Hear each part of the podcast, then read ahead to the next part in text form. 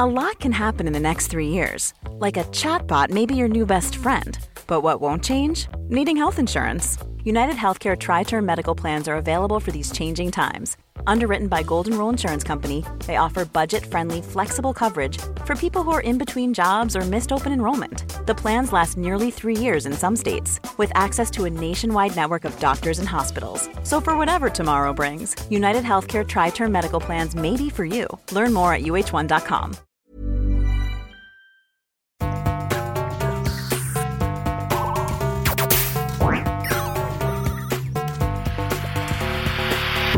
Jeg heter Sondre Risholm Livrød.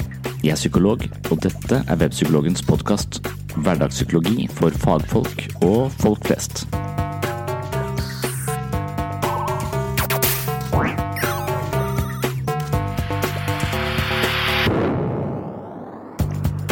Vi lager historier om oss selv hele tiden.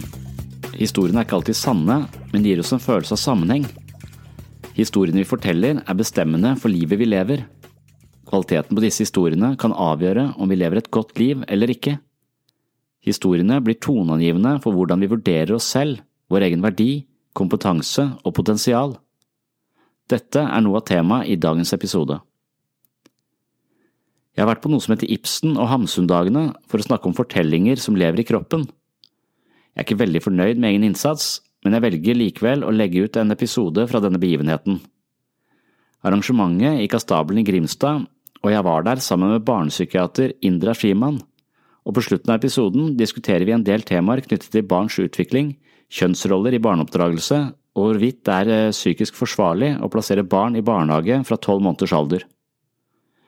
Før samtalen med Indra babler jeg en del om ting du som følger sinnssyn kan ha hørt før, men forhåpentligvis er det også noe nytt. Det er nettopp det at jeg babler som plager meg litt med dette innlegget, men jeg kan leve med skammen og håper at det likevel er noe fornuftig i det jeg sier om de falske historiene vi forteller om oss selv. Før vi tar turen til Universitetet i Agder, Campus Grimstad, en sen kveld i mars 2018, vil jeg sette scenen med et kort innlegg om de falske historiene vi forteller om oss selv. Sitat Så snart vi kler noe i ord, gjør vi det på forunderlig vis fattigere. Vi tror vi har dukket ned på de store avgrunns dyp, og når vi kommer opp til overflaten igjen, har vanndråpen som drypper fra våre bleke fingerspisser, ikke lenger noen likhet med havet som det stammer fra. Maurice Maeterlinck, sitat slutt. På den ene siden kan vi si at alt det vi kan gi et språk, kan vi også gjøre synlig og begripelig. Psykoterapi handler i stor grad om å sette ord på følelser og indre dynamikker. Når vi opplever hjertebank og angst, og det ikke er noen grunn for en slik uro, vil terapien dreie seg om å belyse den malplasserte følelsen ved å gi den et språk og sette den inn i en forståelig kontekst. Kanskje har vi angst i en bestemt situasjon fordi den minner oss om tidligere traumer, og før vi setter ord på denne sammenhengen, vil følelsen først og fremst manifestere seg som kroppslig ubehag, et symptom. Idet vi ser sammenhengen mellom tidligere erfaringer og nåtidens reaksjoner, kan vi ofte klare å dempe følelsesmessig ubehag. Gjennom språket kan vi løfte smerte fra kropp, eventuelt hjertebank, til innsikt. Dette er en fantastisk kvalitet til språket. Vi kan også bruke språket som hjørnesteiner i våre beskrivelser av alt fra fantasiverdener til steder på andre siden av kloden. Hva mener den belgiske poeten Maurice Maeterlinck når han skriver at det vi setter ord på, blir fattigere? Dette er også et viktig poeng. Språket kan åpne verden for oss og gjøre det som tidligere var utenfor vår horisont synlig. Samtidig kan språket binde verden til en bestemt forklaring som kanskje ikke er helt presis. I forhold til psykologi er dette et sentralt poeng. Hele tiden lager vi historier om oss selv og hvem vi er. Vi skravler til oss selv omtrent hele tiden, selv om vi ikke alltid hører etter. Noen har en indre stemme som er positiv, mens mange av oss har også en kritisk røst som gjør oss usikre i flere situasjoner enn nødvendig. Det såkalte narrative selvet forteller oss hele tiden hvem vi er. Det skriver vår egen selvbiografi, og hvordan denne selvbiografien vinkles, får innvirkning på hvordan vi forstår oss selv, vår verdi og vårt potensial her og nå og i fremtidige situasjoner. Problemet med historiene vi forteller om oss selv, er at de sjelden representerer virkeligheten på en særlig korrekt måte. Hukommelsen vår fungerer for eksempel slik at den får med seg bruddstykker og enkle momenter her og der. alt som foregår i tiden mellom øyeblikksbildene i hukommelsen, er noe som fylles inn av det narrative selve. Vi kan ikke huske hva som skjedde, men det narrative selve lager en plausibel forklaring som gir en følelse av sammenheng. Det viktigste er altså at vi føler sammenheng. Vi har en fortelling om hvem vi er, som virker troverdig.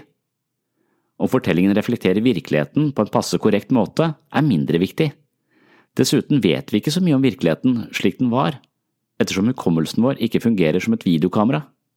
Og selv om hukommelsen fungerte prikkfritt og fotografisk, hadde det ikke hjulpet oss. For å forstå hva som skjedde på et bestemt tidspunkt, må vi ha med konteksten, subtile mellommenneskelige bevegelser og tusenvis av andre faktorer som igjen er noe vi bare kan tolke oss frem til. Når alt kommer til alt, kan vi ikke vite hvem vi er, men de fleste av oss velger å høre på det narrative selvets oppsummeringer. Da er det avgjørende hvilken type fortellerstemme som lager historier. Dersom vi har opplevd mye kritikk og lite omsorg fra viktige mennesker gjennom livet, kan det påvirke fortellerstemmen i det narrative selve. Mange av oss lever et liv med en stemme som stadig repeterer at vi ikke er gode nok, ikke klarer nye utfordringer like godt som andre, at vi er undermåls eller mindre verdt enn andre mennesker. Når dette er grunntonen i den delen av vårt psykologiske liv som gir farge, verdi, stemme og språk til det vi presenterer som oss selv, er det sannsynlig at vi lager en historie som er mye tristere og vanskeligere å leve med enn nødvendig. Jeg jobber med mennesker som sliter med et narrativt selv, som skriver deres selvbiografi på en dyster og negativ måte. Fortellingene blir bestemmende for deres identitet og alt de tror de kan få til å oppnå senere i livet. Det kalles gjerne en selvoppfyllende profeti. Men språket kan gi oss forståelse for det vi ikke kunne se eller forstå fra før, kan det også binde oss til selvbeskrivelser som gir grobunn for et miserabelt liv. Kanskje er det slik at de som lever best, har en lystigere livsskribent i det narrative selve. Siden vi aldri kan avgjøre hva som rent faktisk er sant, er det viktigste at vi lager fortellinger som er gode å leve med. I en viss forstand kan man eh, se for seg at dette er psykoterapiens vesen. Det handler om å revidere fortellingene vi har om oss selv, skape nye sammenhenger og justere verdien slik at vi kan leve godt med oss selv her og nå og i morgen. Det var det jeg ville si innledningsvis. Nå kommer eh, babling fra Grimstad.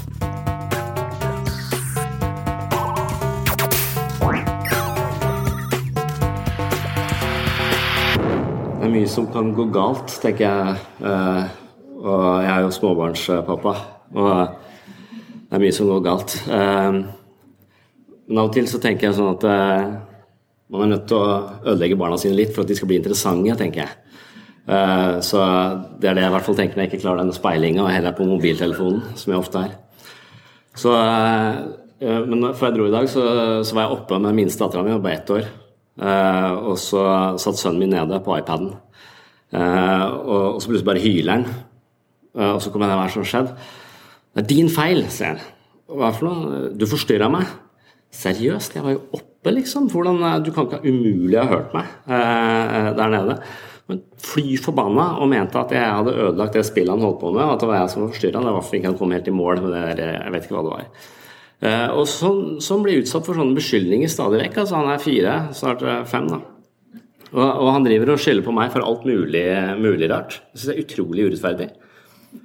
Eh, og jeg skal på en måte prøve å speile han. Men, men dette, og dette er en av de historiene jeg forteller da, om, eh, om møtet mellom uh, foreldre og, og, barn. Og det har jeg en som heter Melanie Klein, som er veldig opptatt av pupper. Hun snakket om gode og onde pupper. Egentlig tror jeg hun snakket om gode og dårlige foreldre, eller foreldre på mobiltelefon, foreldre uten mobiltelefon. Uh, men, men, i hvert fall så, så snakker Melanie Klein også om at barn i utgangspunktet befinner seg i en paranoid, schizoid posisjon. Og det er der denne projektive identifikasjonen som du ikke kom, kom fram til, spiller inn. da. For barnet har en idé om at all faenskap som skjer med meg, det er din skyld. Uh, og det har en idé om at verden er et sted som er en måte ute etter å ta meg og jage meg. Det er et sånn farlig, farlig sted. Uh, og hvis det skjer noe vondt med meg, så er det verden som har gjort dette uh, mot meg. Og Derfor, som pappa, så får jeg skylda for alt mulig rart som åpenbart ikke kan være, være min skyld.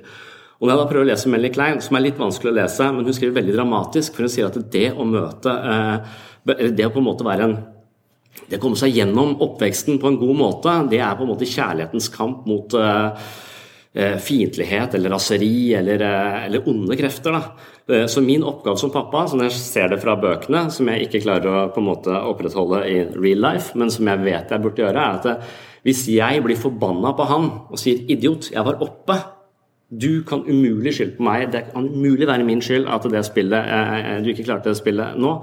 Hvis jeg møter ham på den måten, så bekrefter jeg det bildet han har av verden som et litt farlig, eh, farlig sted. og Jeg på en måte opprettholder denne paranoide, schizoide posisjonen. Men hvis jeg klarer å være voksen nok til å møte han på en litt bedre måte, med forståelse og omsorg, når han kyler ut mot meg, hvis jeg klarer å på en måte være litt mer tålmodig enn det egentlig er, og møte han med vennlighet og prøve å forklare han, eller sette noen språk på følelser, gi et eller annet sånn, eh, en, en forståelse av hva som foregår, og ikke møte han med fiendtlighet og irritasjon, i hvert fall, så er det dette med kjærligheten som kan vinne over denne paranoide, schizoide eh, posisjonen. Og da kan han gradvis på en måte komme inn og Jeg tror det er din kaffe nå. Det er din cola. Uh, jeg er så tørst.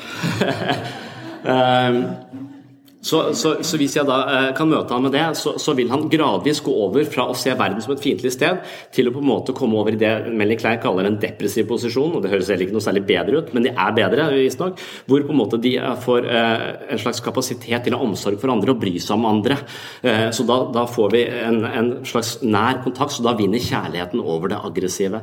Og Det er sånn Melly Klein snakker om, om barns utvikling med kjærlighet mot, mot aggresjon. Eh, og det prøver jeg å tenke på når jeg blir sånn eh, urettferdig eh, behandla av, av, barna mine. Det syns jeg blir ganske, ganske, ofte. En annen ting som, er med, som jeg tenkte jeg skulle snakke om Du snakker om Winnicott litt. Jeg snakker ofte om Fairbjørn, som er en slags i samme gata. Objektrelasjonsteoretikere, sånn psykoanalytisk postfreudianere. Og og Fairbairn han snakker eh, eh, Han har en sånn setning som jeg synes oppsummerer det å på en måte danne som menneske ganske godt. Han sier at det, for et barn så er det bedre å være en djevel i en verden styrt av Gud enn en engel i helvete. Og, det er litt sånn, og, det er en annen sånn mekanisme som spiller inn på barn, er at vi, barn har en tendens til å på en måte splitte verden i, i godt og ondt. Eh, og barn har et veldig behov for at foreldrene skal være gode nok. og Derfor så har de også en tendens da, til å på en måte eh, fjerne alt, på en måte se bort ifra det negative ved, ved, barnet, nei, ved, ved foreldrene. Og, og, på en måte eh, skjerme foreldrene fra disse eh, onde kreftene. Men hvis du da har foreldre som er utilstrekkelige, og som du nevnte, så har jeg, møter jo mennesker som har hatt eh, både foreldre og lærere og barnehagefolk og alt mulig. De har opplevd mye faenskap eh, i, i, livet sitt. Og, og, for et barn da kunne håndtere det, at verden faktisk er et ganske farlig sted, og det fins folk her som egentlig skal ta vare på meg, som ikke klarer det, eller som i verste fall er slemme mot meg, eh, så må barnet gjøre en slags snuoperasjon eh, inni hodet sitt. Og det er det denne for et barn så er det bedre å være en djevel i en verden styrt av Gud enn en engel i helvete. Så det barnet gjør for å, opp, for på en måte kunne leve i en verden hvor folk ikke tar vare på meg, det er å tenke at det er meg som er ond. Uh, og Det blir en fortelling som barnet kanskje kan bære med seg. altså Mange av de menneskene jeg møter i mitt liv, har med seg De tenker at det er min skyld.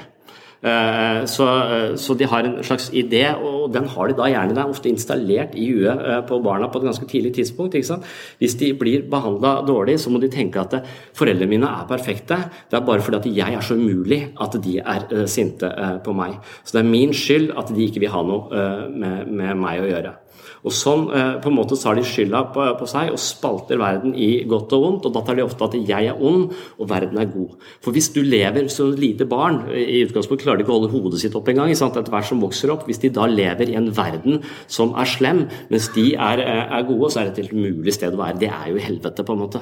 Eh, så Derfor så snur de dette, og de får en idé om at jeg er ond, alle andre er, er gode. Og det kan bli en fortelling om ditt liv som ikke er spesielt god å ta med seg da, inn i inn i voksen, eh, eh, voksenlivet.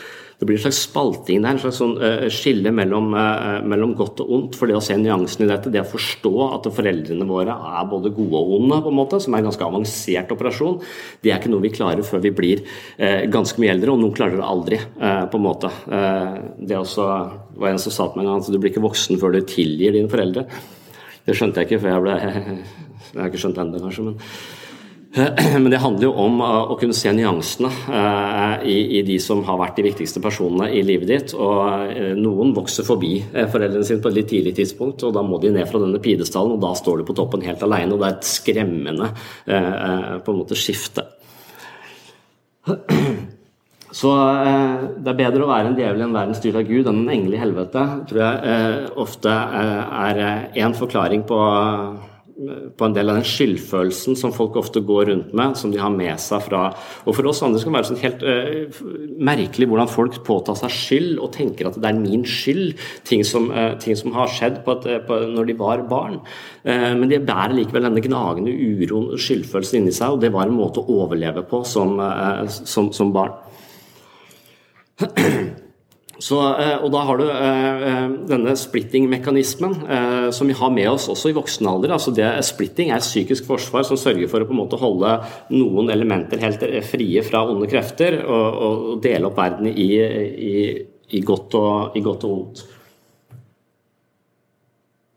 Og, og, der kommer dette med monsteret under senga som sto i den derre Drikker opp den colaen din, altså. Som sto i i den annonsen.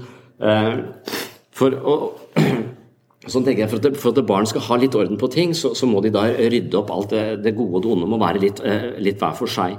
Og Ofte så vil da barnet på en måte putte alt det som er godt ved mitt eh, liv og, og ved mine omgivelser inn i bamsen. Når de legger seg, så tar de bamsen veldig tett inntil seg, så holder de den. Og så putter de alt det som er eh, ondt og slemt, det er inn i skapet, og det blir et monster. Eh, i, eh, i, skapet.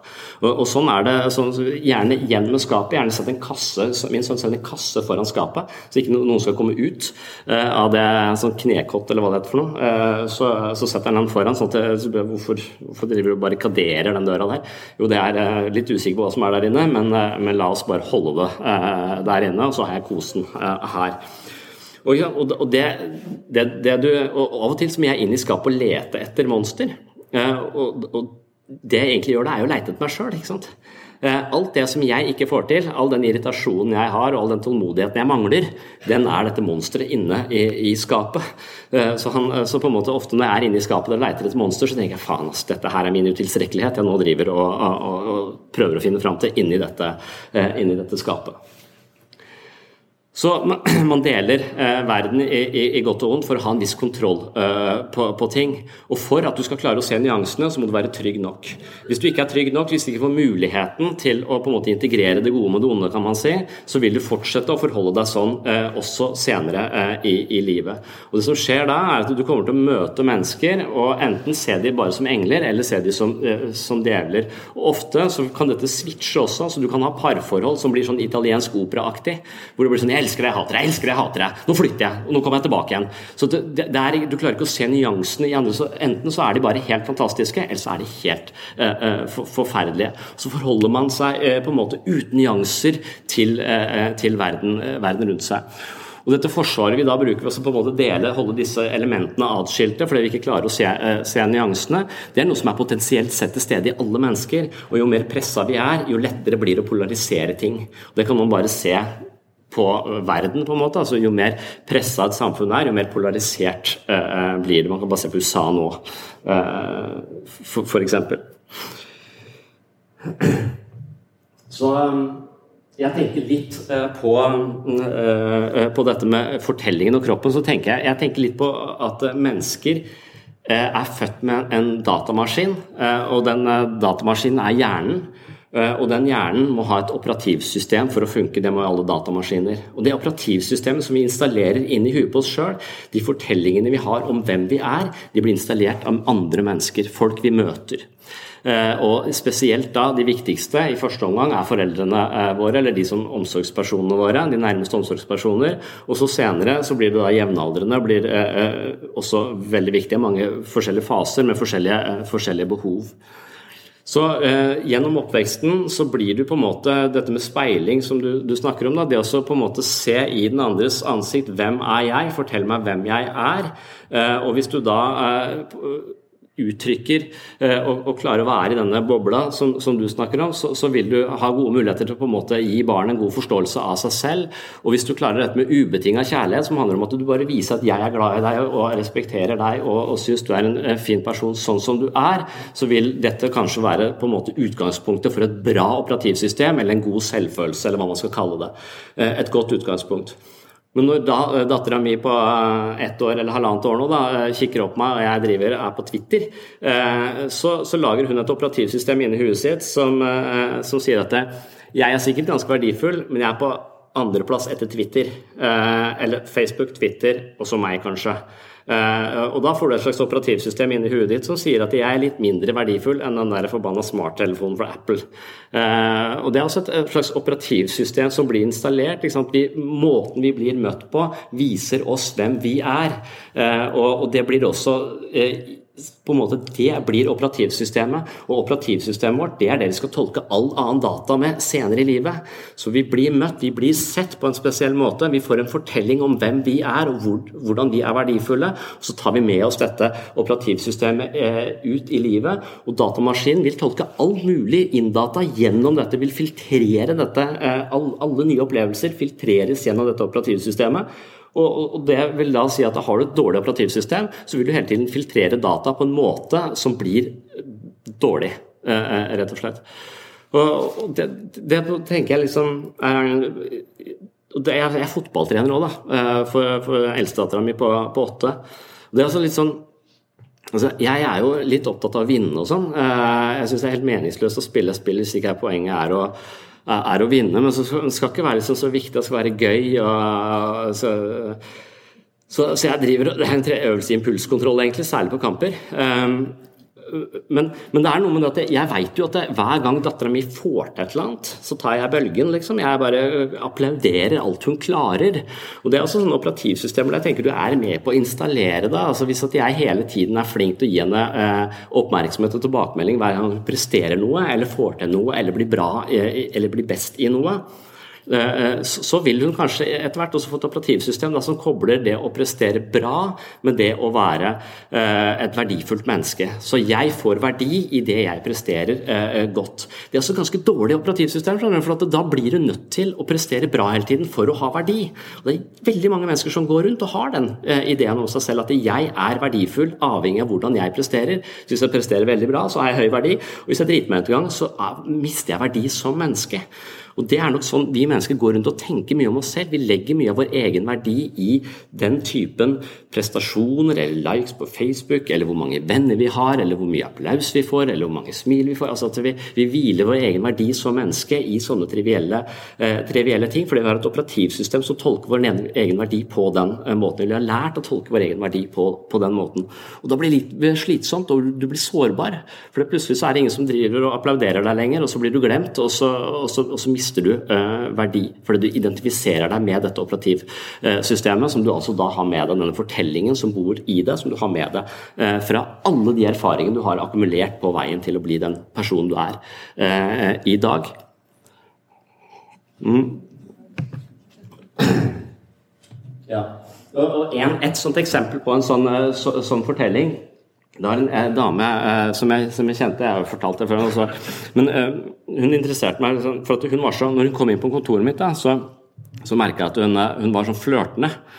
Uh, og da ble jeg stressa. Uh, jeg, sånn, føler selv jeg har sånn traumer fra barn på, i Tønsberg der jeg vokste opp. Uh, og jeg prøvde å snakke med jenter, og alle bare lo av meg. Eller jeg var, utrolig sjenert og syntes det var kjempevanskelig. så når jeg da får en, en, en, dame inn på kontoret, hun er veldig flott, og hun virker åpenbart sånn flørtende i måten, måten hun er på. og det, det, altså, der er det en, en, klar fortelling. altså Den eh, fortellingen sitter helt tydelig i kroppen, eh, syns jeg. Og den kroppen er liksom ikke helt tildekket heller. Eh, så, så, dette er stressende. Eh, men også, får jeg historien hennes. Hun har, hun hun har liksom farta litt rundt i, i, landet. Hun klarer aldri å slå seg ned. Hun blir på en måte litt sånn støtt ut, nærmest. Og det siste stedet hun ble støtt ut fra, det var en litt sånn eh, karismatisk, litt sånn pietistisk gæren menighet på Vestlandet et sted. Eh, hvor hun hadde blitt tatt inn i varmen. Men så har jo denne flørtende måten Det var ikke veldig populært. tror jeg, i denne, i denne, menigheten. Men de har jo en annen fortolkning, de har en annen fortelling da, om, om, dette. Så deres fortelling til denne dama det var at hun var besatt av en demon som heter Jesabel. Uh, og den demonen uh, gjør at hun på en måte er, uh, er flørtende, og det, må vi, det må skal rett og slett drives ut. Da. Så, så hun ble utsatt for demonutdrivelse på Vestlandet. For det er klart at det, når hun driver og farter rundt i, disse, i denne menigheten, og alle damene i menigheten oppfatter at hun er på en måte ganske flott, egentlig. Og alle mennene oppfatter også dette, så det blir trøbbel i menigheten. Så, så, så dermed så, så, måtte hun stå på et alter og stikke fingeren i halsen og spy til hun spydde grønt, sånn at dette grønne kom ut. For det var i det grønne at Jesabel, eller denne rare demonen, satt. da. Uh, og jeg syns det var en uh, vanvittig forklaring på hvorfor hun, uh, hun på en måte virker Jeg kunne godt se at hun virker flørtende. ikke sant? Jeg kan godt se at det ikke passer inn i, i, i noen menigheter, sikkert i andre mer tolerante menigheter enn den hun, hun hadde vært, vært i. Men fortellingen blir da altså at hun er besatt av en, en demon. Jeg tror ikke på demoner, jeg. Jeg er litt sånn, tror egentlig ikke på Gud heller. Så, selv om jeg nå har vært i menigheter i mange, i mange år som jeg kanskje kommer tilbake til eh, så vidt. Men, men hvert fall så, eh, så, når hun kom til meg, så, så tenker jeg at demonutdrivelse det tilbyr vi ikke her ved DPS Solvang. Eh, så her må vi på en måte ha noen andre alternative forklaringer. Og, og hvis, du, hvis du snakket litt med henne og fikk historien hennes, så, så, var det helt tydelig at hun var utsatt for ganske, ganske mange seksuelle overgrep fra nærmeste familie. Eh, gjennom oppveksten. Altså helt eh, eh, tett på. Så for meg så føltes det etter hvert ganske tydelig at hun hadde all sin verdi forankra i kropp, for det var det hun hadde fått positiv oppmerksom på når hun vokste opp. Mor og far hadde krangla mye, de, de, var, de, var, skilt, og hun på en måte gikk litt for lut og kaldt vann. Men i den grad hun fikk da oppmerksomhet, så var det på kroppen uh, sin fra noen som overhodet ikke skulle gitt henne oppmerksom på kroppen sin, men som, som, uh, som, som et menneske. Men ideen hennes er nok at det jeg har å tilby andre mennesker, det som gjør meg verdifull, er i kropp. Eh, og noe annet har jeg ikke å tilby. Og derfor denne måten å være på, som på en måte gjør at du ryker litt uklar i forskjellige sosiale, sosiale settinger. Så min fortelling, eller vår fortelling om, om, henne ble litt annerledes enn demonbesettelse. Og det var en fortelling som på en måte skrev seg fra hennes tidlige oppvekst og fra mange erfaringer gjennom livet, hvor hun gradvis kom til å se på seg selv som det eneste jeg har tilby andre mennesker, er kroppen, øh, kroppen, min. Alt annet føler jeg meg mindreverdig på, jeg føler meg ikke sett. Så i den grad du ikke ser mennesker, i den grad du ikke anerkjenner dem, i den grad du ikke viser, som foreldre spesielt, at du er et verdifullt menneske, så er, står du i fare for å lage et operativsystem som, som forteller deg at de ikke er et verdifullt menneske, og så begynner de å oppføre seg som om de ikke er et verdifullt menneske. Så i den grad jeg er for mye på Twitter og ikke ser dattera mi eller barna mine, så vil de begynne å tenke at ja, vi er kanskje ikke eh, så viktige. Og hvis du får det operativsystemet, hvis du får den fortellingen som sitter i kroppen din at du ikke er så viktig, så stiller du deg alltid bakerst i køen. Uh, og så kommer du aldri helt, helt fram, og så tenker du vel at jeg kan jo ikke, jeg er litt dårligere enn alle andre. Og hver gang du da møter noen utfordringer, så tenker du nei, det får andre gjøre, de gjør det bedre enn meg. Så på et sett og vis så lever du ut ideen du har fått. Du lever jo i pakt med det operativsystemet, den måten du har blitt møtt på. Og hvis det det er et dårlig operativsystem, så vil det på en måte materialisere seg i livet ditt, og du vil kanskje i verste fall komme til å mislykkes. Og, du vil få en idé om at jeg er en mislykka person, så har du hundrevis av bevis på at du er en mislykka eh, person. Og Min påstand er at vi er ganske like. Vi har et ganske lik eh, datamaskin, men vi har veldig forskjellig operativsystem. Og Det er dette operativsystemet jeg mener er fortellingen om vårt liv. Da. Det er det narrativet vi har inni oss som forteller om hvem er jeg, og hva slags verdi har, uh, har jeg. Og den fortellingen den har vi fra andre folk. Den har vi fra det møtet med andre uh, mennesker, og spesielt av viktige omsorgspersoner uh, gjennom, gjennom barndommen. Så, så, sånn tenker jeg at at vi har, noen, eh, vi har, hele tiden det man kaller et slags narrativt selv, som, som, snakker til oss hele tiden om hvem vi er. Og Det narrativet selvet det er et ekko fra fortiden. Dette er liksom veldig Freud. ikke sant? Eller psykodynamisk. Man tenker at det, måten man har blitt møtt på gjennom livet, det blir en slags avstøpning på, hvem, på min egen selvfølelse og min egen idé om, uh, om meg selv. Og hvis du da har blitt møtt med kritikk, hvis du har blitt oversett eller eh, tråkka på eller mobba eller et eller annet sånt noe, så har du ofte et eller annet i, dette operativsystemet eh, eh som tolker nye situasjoner på en litt eh, nedslående og feilaktig, eh, feilaktig måte. Eh, og Når du da lever med dette, så vil det da som jeg sa, spille seg ut i livet ditt og bli en slags sannhet. Det blir, bli sannheten om, om ditt, ditt liv. Og, og, og, hvis vi da tenker at vi i utgangspunktet så er like mye verdt, da, og det er det alle visdomstradisjoner har prøvd å si oss hele tiden, altså alle mennesker er like mye verdt fordi de er mennesker, ikke fordi de presterer osv., men det er ingen som tror på det. Vi tror på operativsystemet vårt som sier at jeg er kun verdifull hvis jeg får til det eller får gjøre det eller osv. Men hvis vi er like verdifulle, så handler det bare om å ha en god historie. Det handler bare om å ha en god, god fortelling, et godt narrativ inni i seg selv. Og Det er litt det psykoterapi handler om. Det handler om å fortelle historien om mitt eget liv på nytt. Eh, gi den kanskje noen nye fortolkninger, noen nye måter å se ting på, som jeg kanskje lever litt bedre med, enn å tenke at jeg er en person uh, som ikke fortjener kjærlighet, for det er litt mindre verdt enn en, en andre folk. Så, så, det er sånn jeg tenker om, om dette, dette, narra, dette, narrativet inni hodet vårt. altså Jeg kaller det ofte operativsystemet. Jeg syns det er litt eh, illustrerende, selv om det er dårlig å sammenligne mennesker med datamaskin. Det er ikke så Liksom mekanistisk osv. Men, men jeg, er, jeg, jeg, tror det er noe ved det. At, eh, at en datamaskin med, sant, eh, med, et gammelt operativsystem uh, fungerer veldig dårlig. Har du Windows 95 da, så, så vil du uh, ikke klare å surfe på World Wide Web, tror jeg. Det er kjempe, uh, kjempevanskelig. Og det å skifte operativsystem, det er også jæklig vanskelig. For at plutselig så fikk jeg Windows 10, og da, da klikka det helt for meg. Det, så jeg trodde det var et virus, jeg, det der Windows 10. Uh, og det bare pressa seg på. Du spurte meg flere ganger i minuttet skal du ikke starte å oppdatere. Nei, jeg skal ikke det, jeg orker ikke. Og, og, Det er litt sånn det er. og på en måte Når du møter mennesker med et operativsystem som de har med seg fra hele livet, som bor i kroppen dem, som er deres fortelling om sitt liv, så vil det å gi slipp på det operativsystemet til fordel for Windows 10, som er en mye bedre plattform å operere ut ifra, det vil være kjempeskremmende. For du skal plutselig begynne å venne deg til noe helt annet. Så veldig mye av det jeg driver med, er jo å fortelle folk at de egentlig er litt mer verdt enn det de tenker selv. At de har sannsynligvis har et mye høyere potensial enn det de lever.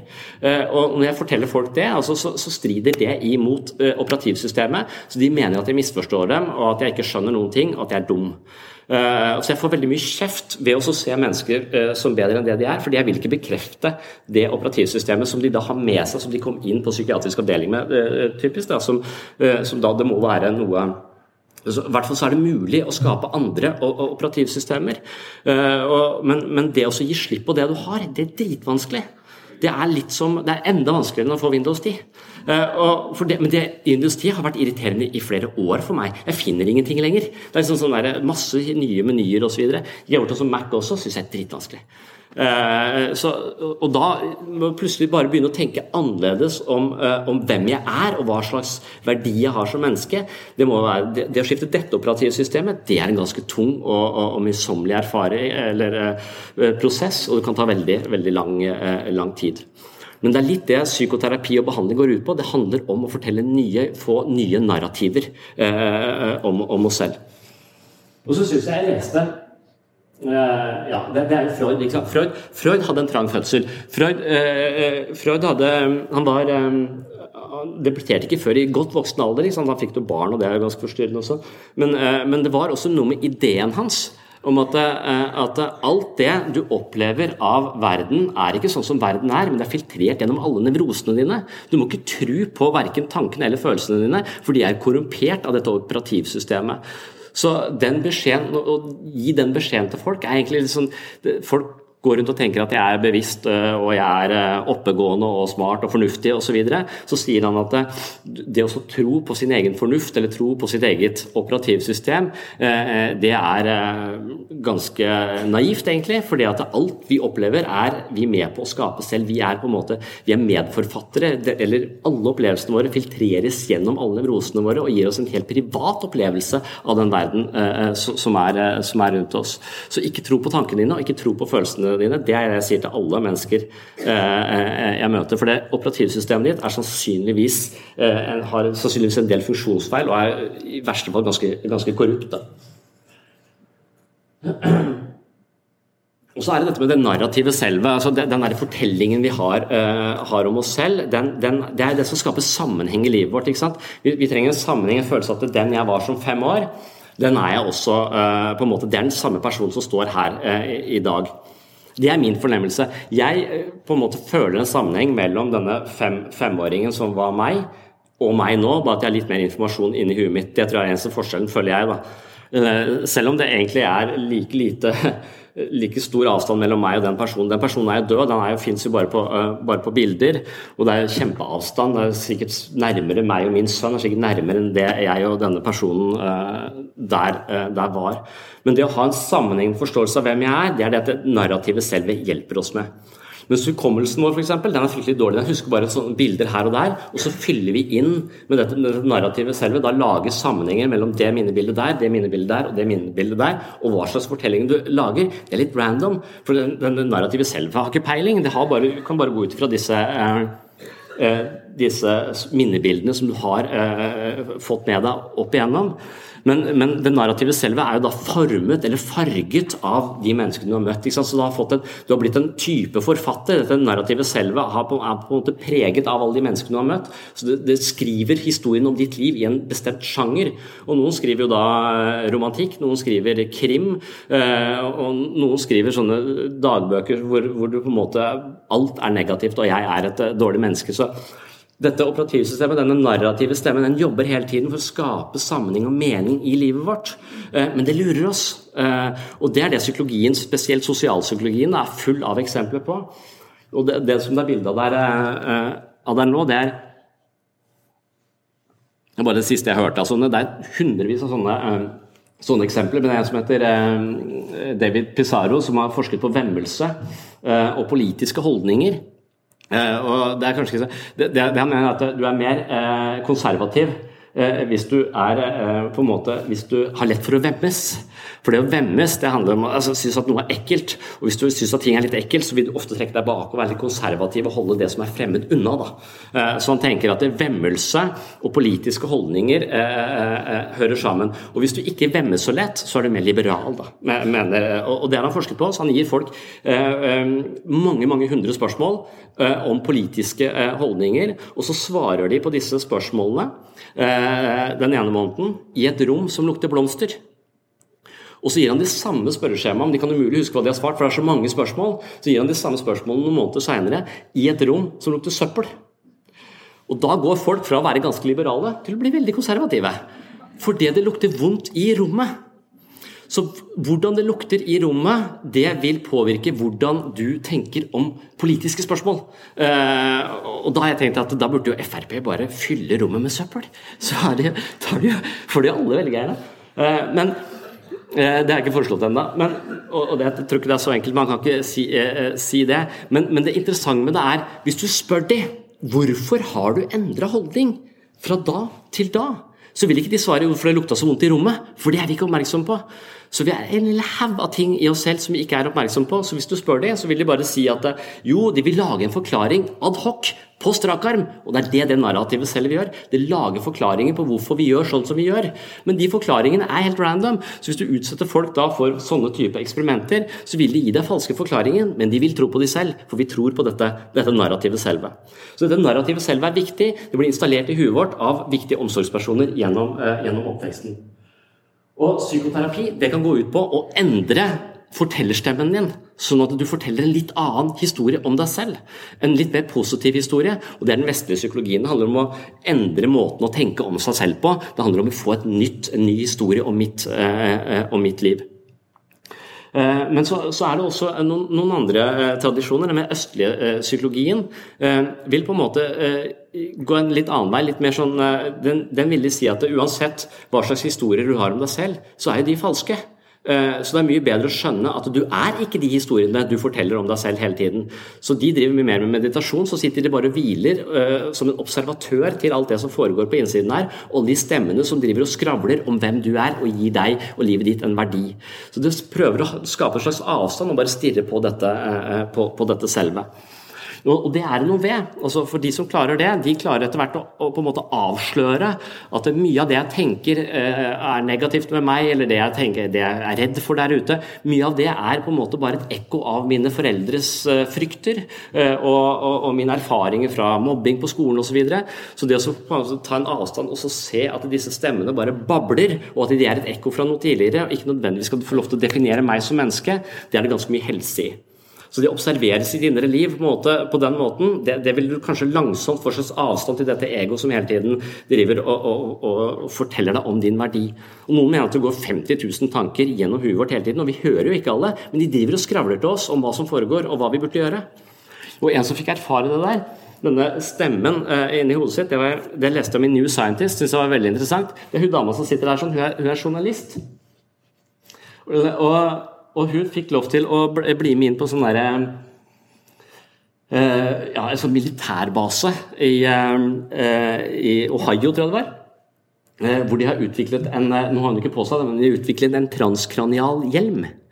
som du kan ta opp på huet ditt, og den, er, den høres veldig spennende ut. Det kan være det bare bare placebo foreløpig, men det kan, kan, være noe med seg. Hun dama fikk lov til å prøve den hjelmen, og den skulle få prøve i en simulator hvor hun skulle drepe IS-soldater, for det er det militæret driver med. De prøver jo å ta knekken på fiender. Så de har en svær, så skikkelig eh, simulator hvor hun da ble plassert inn med et maskingevær. Eh, og først skulle hun få lov til å prøve uten hjelm. Eh, og det så at Hun kom inn der, sto der, og det kom masse det er, veldig virkelig, så kom det masse IS-soldater mot henne. Hun prøvde å, å, å, forsvare seg, og så fikk hun sånn rifla, kjørte seg fast, og alt ble bare galt. Til slutt så bare la hun seg ned og sa 'jeg må ut, jeg må ut', og så på en måte gir opp. Uh, og, og, så kommer hun ut og så sier hun, ok, det var et forferdelig sted å være. Helst ikke inn der igjen, men la meg prøve denne hjelmen. da. Så kobler de på henne denne, denne hjelmen. Og det de tror at den hjelmen gjør, de tror at den skrur av det narrativet selve. Så når hun kommer inn der da, sånn hun beskriver det, og sånn hun eh, forteller om sine erfaringer fra dette e- eksperimentet, er at når hun da kommer inn i denne simulatoren med hjelmen på, eh, så, så, så, gjør hun det litt annerledes enn første gang. Og når hun da kommer ut etterpå, så spør de hvor lenge tror du du var der? Kanskje et par minutter, sier hun. Du var der en halvtime, sier de. Ok, just det, det, eh, det, det gikk fort. Hvor mange klarte jeg? spør hun. Hvor mange klarte jeg å drepe? Du tok alle, sa de. Så med denne hjelmen så har hun da blitt en eh, effektiv eh, massemorder. Eh, men, men, det er ikke poenget med det. For det hun skriver etterpå, er at det eneste jeg har ønska meg siden jeg tok av meg den hjelmen, var å komme tilbake dit og få låne den hjelmen en gang til. For jeg har aldri hatt sånn ro inni meg. Jeg har aldri kunnet være til stede uten at dette negative stemmen, denne selvdestruktive, selvkritiske røsten hele tiden snakka til meg. Så hun opplevde rett og slett at denne selvkritiske stemmen vi har inni huet vårt, ble skrudd av i denne eh, simulatoren. Så poenget er vel ikke egentlig med denne at eh, vi, vi skal bli gode eh, militærfolk eller eh, drapsmenn av denne hjelmen, men hva hvis vi kunne ha på oss den hjelmen av og til i møte med mennesker, istedenfor å tenke 'hva syns de om meg', hva syns de er bra nok', bla, bla, bla, alle det negative skvalderet, så kan du, fortsatt, kan du faktisk bruke all din energi på det du skal. Lytte til andre, være til stede, gjøre det du skal. Vi bruker ekstremt mye energi på å høre på disse stemmene som gir oss verdi. Eh, og da kan man, Hvis du har en stemme som gir deg god verdi, så er det en bra ting. Men veldig mange av oss har masse sånne selvkritiske stemmer som hele tiden forteller oss noe negativt om oss selv. Og Dermed så blir veldig mange situasjoner mye mye vanskeligere enn de egentlig hadde trengt eh, å være. Og Da kan du gå i terapi sant, og prøve å få en litt annen fortellerstemme på ditt eget liv. Eller du kan bare vente på at den hjelmen der kommer på eBay. Eh, og, og, så kan du bare gå rundt med den eh, hele tiden. Det, det, det syns jeg Men jeg må si et par eh, ting um, til. For én ting er de stemmene som vi går rundt og har inni huet vårt. Eh, og som forteller oss hvem vi er. Det, det, kaller jeg kanskje det, det narrative selve. Det narrative selve lyver eh, til oss om hvem vi er, og det, det fungerer som et slags ekko fra tidligere eh, erfaringer, og betydningsfulle andre har fortalt oss eh, hva vi er for noe. Så vi har dette indre, eh, indre eh, fortellingen om vårt liv. Eh, men så tenker jeg også, som andre del av det jeg hadde tenkt å si, er jo egentlig at vi, vi, vi har denne fortellingen men vi har også fortellinger rundt oss eh, eh, som er en viktig del av det å være menneske. Og Joseph Campbell, som er sånn mytolog, han er død. Eh, Bestekameraten han er George Lucas. og og han, uh, han, er veldig opptatt av mytologi, og han sier at det mennesket vi er en, en, størrelse som ikke har alt vi trenger for å overleve koda inn i DNA-et vårt. En fugl har det. En fugl er på en måte forhåndsprogrammert til å overleve på, på, på bestemte måter. Mens, uh, mens mennesket er litt annerledes, for, for mennesket har på en måte mye koda inn i seg, men mye av erfaringen vår, mye av det å være menneske, det har vi også installert i fortellingene våre. Så i mytologien vår er på en måte en viktig del av oss. Så, så, vi uten på en måte mytologi, så er det Mytologien er ikke som nyrene, men det er litt sånn Vi trenger mytologien for å vite hvordan vi skal leve. Eh, på en måte så Mye av vår akkumulerte kunnskap om det å være menneske og leve best mulig, det har vi installert i mytologi, som hele tiden går fra, eh, fra den ene eh, generasjonen til den andre. Eh, og det er der jeg har vært interessert i religion, eh, f.eks. For, eksempel, for jeg har jo vært sånn ihuga ateist. Eh, og det var en av mine minst sympatiske sider. Uh, og, jeg er litt opptatt av å bli et bedre person, så, jeg bestemte meg for å bli med i, uh, i Frikirken, og jeg har vært i fem år, for å på en måte bare dempe meg selv litt. Og så, prøve også, så fikk jeg sånn tips om at prøv å tenke på at alle andre har noe å fortelle deg, og ikke at du skal overbevise de om at de tar feil. Så gå inn i en situasjon og tenk at alle andre er opplyste, bortsett fra deg sjøl. Så det har vært prosjektet mitt da, i, i, i disse Eh, menighetene. Og jeg syns de sier mye teit, eh, men jeg syns også det er noe eh, Fra å synes at all religion er dumt, så har jeg fått en veldig respekt for religion. For nettopp dette med å tro at fortellingene våre altså det, det er noe viktig i alle de fortellingene som, omgir oss. Og, og, og sånn som Joseph Campbell sier vel egentlig at det, er, uten mytologi så blir livet bare en tilfeldig ansamlinger av oppturer og nedturer uten mening. Men med mytologien så, så, kan vi på en måte få en slags støttespiller, en slags livsledsager, en slags veiledning på å leve, eh, på å leve eh, livet. Say hello to a new era of mental health care. Cerebral is here to help you achieve your mental wellness goals with professional therapy and medication management support. 100% online. You'll experience the all new Cerebral Way, an innovative approach to mental wellness designed around you. You'll get a personalized treatment plan from a therapist, prescriber, or both in a safe and judgment free space. Your cerebral therapist or prescriber will outline a customized plan with clear milestones along the way so you can get to feeling your best. With Cerebral, you're not alone in your mental health journey. We're here to empower you to live a fulfilling life. So take that first step towards a brighter future and sign up today at cerebral.com slash podcast and use code ACasts to get 15% off your first month. Offer only valid on monthly plans. Other exclusions may apply. Offer ends July 31st, 2024. See site for details.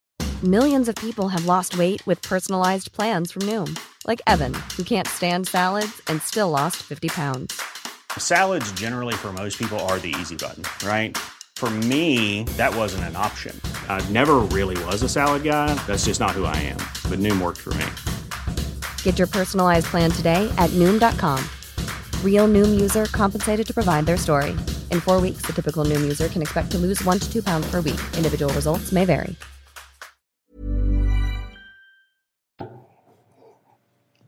Og jeg er litt bekymra. Jeg syns jo at religion i utgangspunktet er roten til mye faenskap.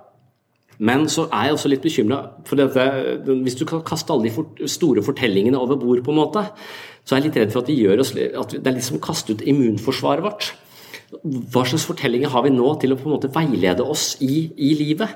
Vi trenger disse fortellingene som, som, livsveiledere, og vi trenger å forstå dybden i de.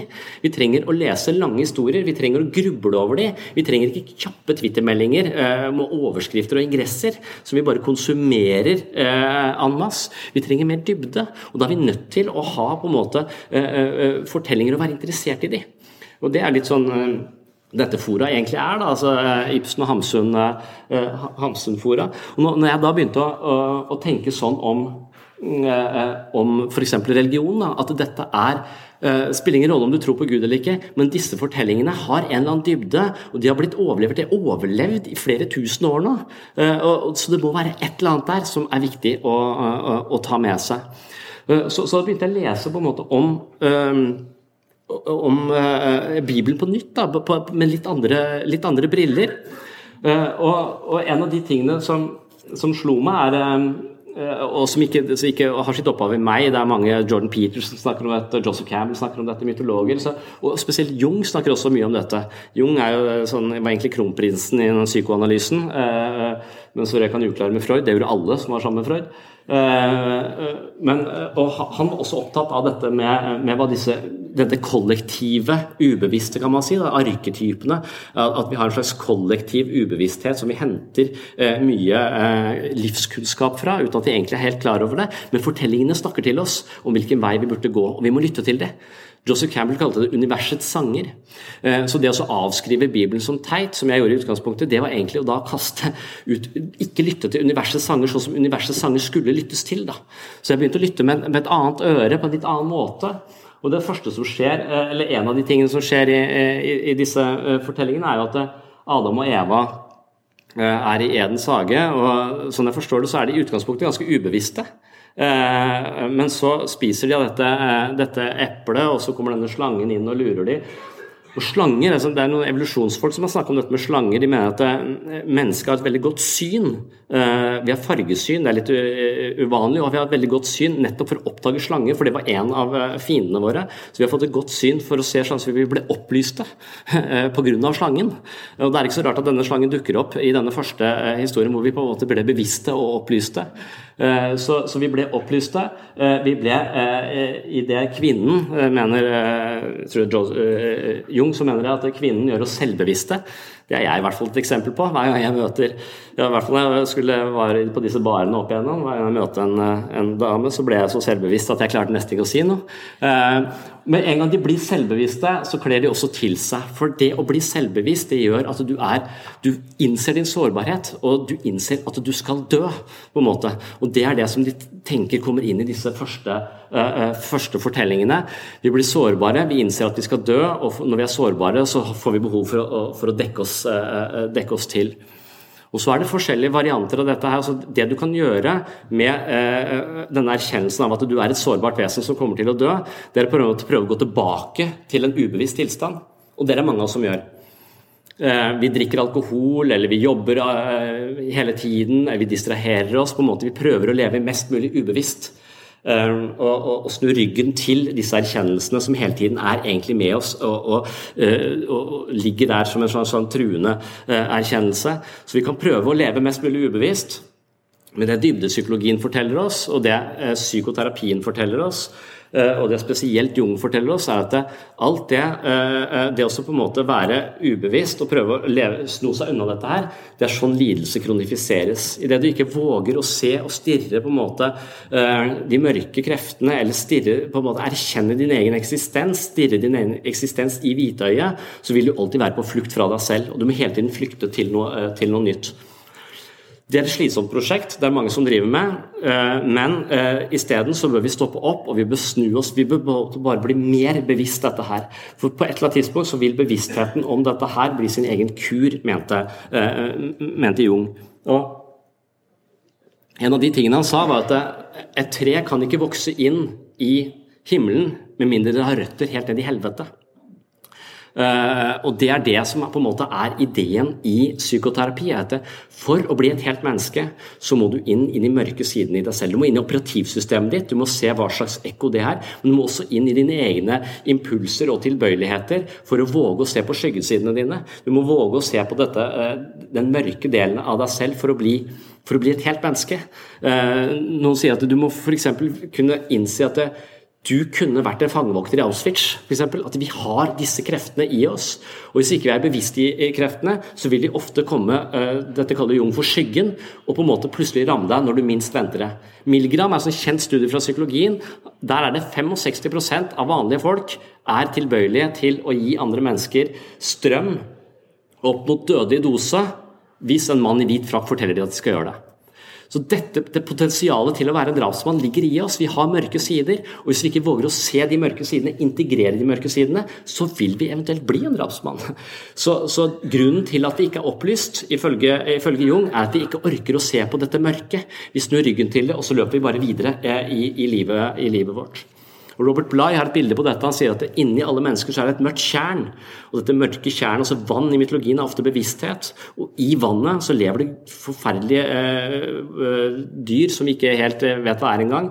Jonah ble spist av en hval. ikke sant? Og, og, så nedi dette tjernet er det mye faenskap, men du må med viten og vilje hoppe ned i dette tjernet og finne ut av hva som er der, for det er inni deg. Eventuelt så kan du prøve å unngå dette tjernet hele livet ditt, og du går langs sidene, men på et eller annet tidspunkt da så vil det komme en hann opp, ta tak i deg hvis du kommer for nærme tjernet, og trekke deg ned i vannet, og da kan du ikke svømme. Og det er depresjonen. Så det å være interessert i sitt indre liv, kikke innover og forstå sitt eget indre, eh, indre liv, det er på en måte utgangspunktet for å bli et helt menneske. Og For at vi skal klare det, så har det på en måte røtter helt tilbake til, eh, til eh, det, det, du snakket om. altså at eh, Evnen til å se sitt indre liv, evnen til å stimuleres til å se innover, det får vi fra mennesker som har det selv. Så Mennesker som selv har dette som noen kaller sinnssyn eller mindsight, eller evnen til å se sitt indre liv, det er noe som på en måte noen mennesker har. og Da har de ofte da har de en forståelse for sitt eget indre liv, og det er broen inn til et annet menneske. Det er altså på en måte byggesteinene i empati. Så uh, fortellingene om, uh, om, livet vårt Jeg mener at vi har fortellinger som forteller oss hvem vi er, men jeg mener også at vi har masse fortellinger rundt oss uh, som en slags støttespillere som kan peke i forskjellige retninger.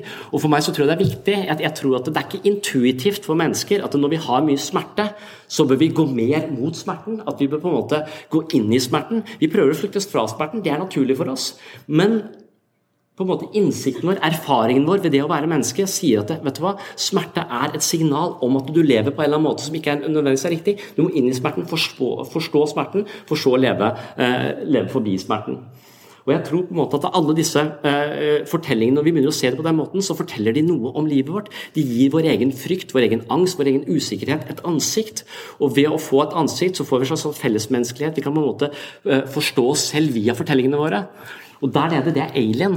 Eh, jeg vet ikke om det, når jeg var liten, så, så jeg på Alien, og nå så jeg plutselig Alien på nytt. Og så var det en kollega som nevnte etterpå meg at hva tror du Alien egentlig handler om? Og Da begynte jeg å tenke på det, så tenkte jeg hva, faen, hva handler det om? Det er et monster som kommer inn i dette skipet som de kaller det Mothership. Uh, og De har vært på en sånn fremmed planet, og så når de skal fly tilbake igjen, så har de fått med seg et eller annet monster som driver og kryper rundt i dette skipet og er i fare med å ta, ta livet deres. Så, så skjønte jeg det plutselig. Det fremmede planeten det er jo fødestua på Sørlandet sykehus.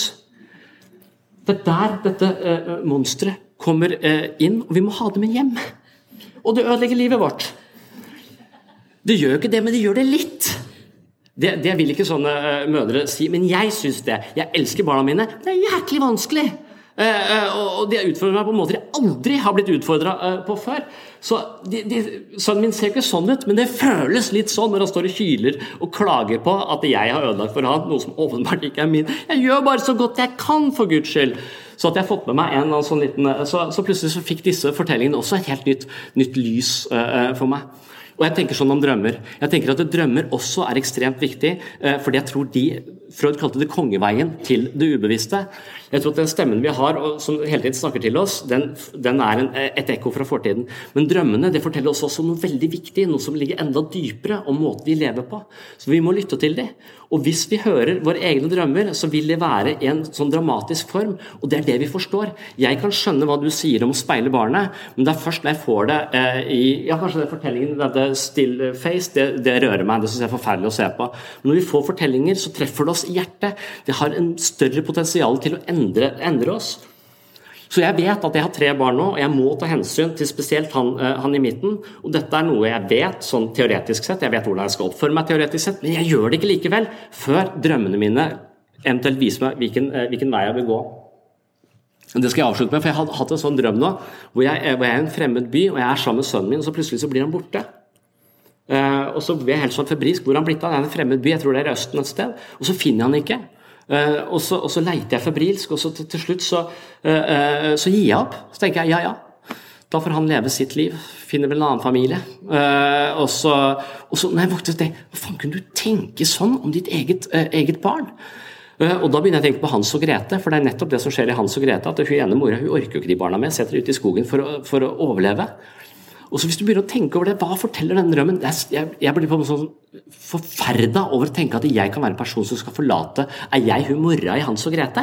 tenker Jeg jeg vil være han faren hvis jeg hadde mista barna mine. Jeg helt desperat, og det var jeg også i drømmen. Men kanskje denne drømmen forteller meg noe om at det å prioritere seg selv, det har eh, en kostnad. Av og til så prioriterer jeg meg selv så mye at jeg kanskje mister sønnen min. Han blir borte for meg. Og det viser meg at nå må du ta deg litt sammen. Nå må du prioritere han mer. For du må vite at du har en side i deg selv som egentlig vil være på reise, vil til Østen. Vil ikke være i denne familien. Jeg vil vekk! Jeg orker ikke mer. Jeg vil ut. Jeg vil lese bøker. Det har jeg ikke tid til. Jeg vil gjøre mange ting. Jeg har eh, ting som jeg, jeg, trenger, og det må jeg ta hensyn til. Hvis jeg tar for mye hensyn til det, som jeg kanskje har gjort en periode, jobba for mye, så mister jeg barna mine. Det vil jeg heller ikke. Men jeg må erkjenne at begge sidene er i meg. Og det er på en måte å gå ned i det mørke. Det er å erkjenne og bli for å si, Ja, jeg kan være en person som potensielt sett kan forlate det, men i og med at jeg eh, på en måte anerkjenner den siden, så vet jeg at jeg aldri kommer til å gjøre det. Jeg kommer aldri til å svikte eh, eh, barna mine. Håper jeg, i hvert fall. Så det er litt ideen om, om hvordan fortellingene som ofte har et slags ubevisst opphav. som eh, Jeg tror nok at uh, regissøren der har vært på fødestua. Det var der ideen oppsto. Yes, jeg skal, skal, lage Alien. Uh, jeg var helt forferdelig sånn Skal vi ha med hjem? Seriøst? Vi har jo ikke gått noen kurs. Så de jo, du har gått tre ammekurs, du. Det er helt uvanlig til å være mann. De, og ingen har stilt så mye spørsmål som deg. Så Vi har fortellinger rundt oss, vi har fortellinger i oss, eh, eh, og de fortellingene er viktige å lytte til. Og de fortellingene vi har rundt oss, de kan være veiledere i livet. De må vi ikke glemme. Eh, så det å kaste alle de store fortellingene ut med badevannet, det å på en måte forkaste disse store visdomstradisjonene til fordel for fornuft, og, og noen sier ja, men det er mye bedre bøker enn Bibelen. Det er det helt sikkert, men det er ingen som driver og leser Brødrene Karamazov hver søndag klokka 11 og, og driver og, og og tolker det. Jeg tror det er ekstremt mye innsikt i Dostojevskij, men de har ikke en praksis rundt det. Vi er nødt til å være interessert i Du kan lese en tilfeldig bok her og der. Vi må ha en praksis, vi må ha en tradisjon. Eh, så Det er mitt forsvar for religion, selv om jeg på en måte en, uh, definerer meg selv som en ateist. Jeg føler at de store fortellingene er viktige for oss, og de snakker til oss hvis vi lærer å lytte til dem på en, på en god måte.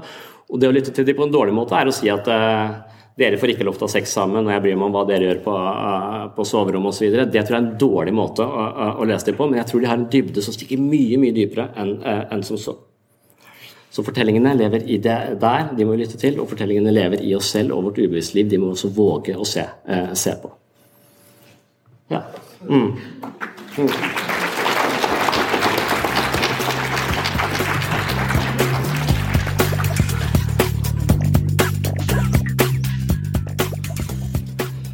Ja.